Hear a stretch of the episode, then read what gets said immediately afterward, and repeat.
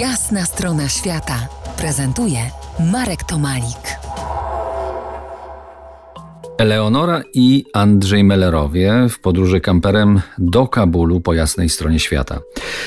Porozmawiajmy o gospodarce Afganistanu. Piszecie w swojej najnowszej książce od czasu amerykańskiej interwencji Afganistan stał się producentem ponad 90% światowej heroiny. Wcześniej heroiny produkowano też w innych miejscach na świecie, w Azji Południowo-Wschodniej, a talibowie z kolei, jak pierwszy raz rządzili Afganistanem, walczyli z narkotykami, z produkcją narkotyków. Były prowincje, gdzie oni do zera w ogóle wycięli narkotyki. Natomiast no, ciężko mi to nawet skomentować, ale właśnie od mm, czasów inwazji amerykańskiej zaczęto w Afganistanie produkować tyle heroiny i tak czystą, że na przykład w tej Azji Południowo-Wschodniej oni się przestawili na produkcję metamfetaminy, bo już im się nie y, opłacało hodować opium, tak? No, Afganistan stał się kr królem y, heroiny, którym zawsze był, ale tu przebił skalę w ostatnich 20 latach i wydaje mi się prawie pewne, że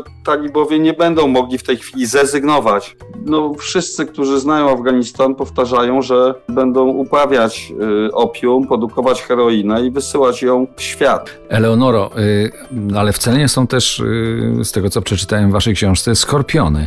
Za jednego czarnego można zgarnąć aż 120 tysięcy dolarów. Tak, tak jest. Byliśmy na przykład y, u Ataylacha, to się zdarzyło takie coś, że zadzwonił do Andrzeja, y, syna Ataylacha z USA i na pożegnanie powiedział, że no życzę wam dobrego snu, spokojnego, tylko uważajcie na skorpiony. I nagle patrzymy e, wokół siebie, bo było już bardzo ciemno, nie, nie włączaliśmy światła, bo tam po prostu go nie ma. I telefonem coś tam podświeciliśmy i zobaczyliśmy, że naprawdę pojawiło się bardzo dużo skorpionów, takich e, żółtych.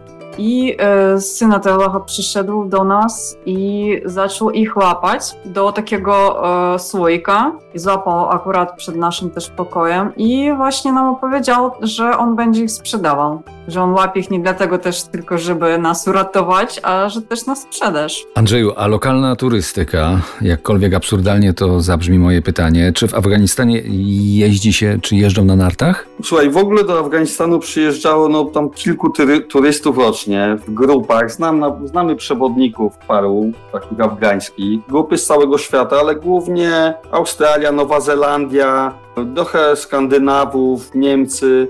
Naprawdę, no myślę, że nie znam liczb.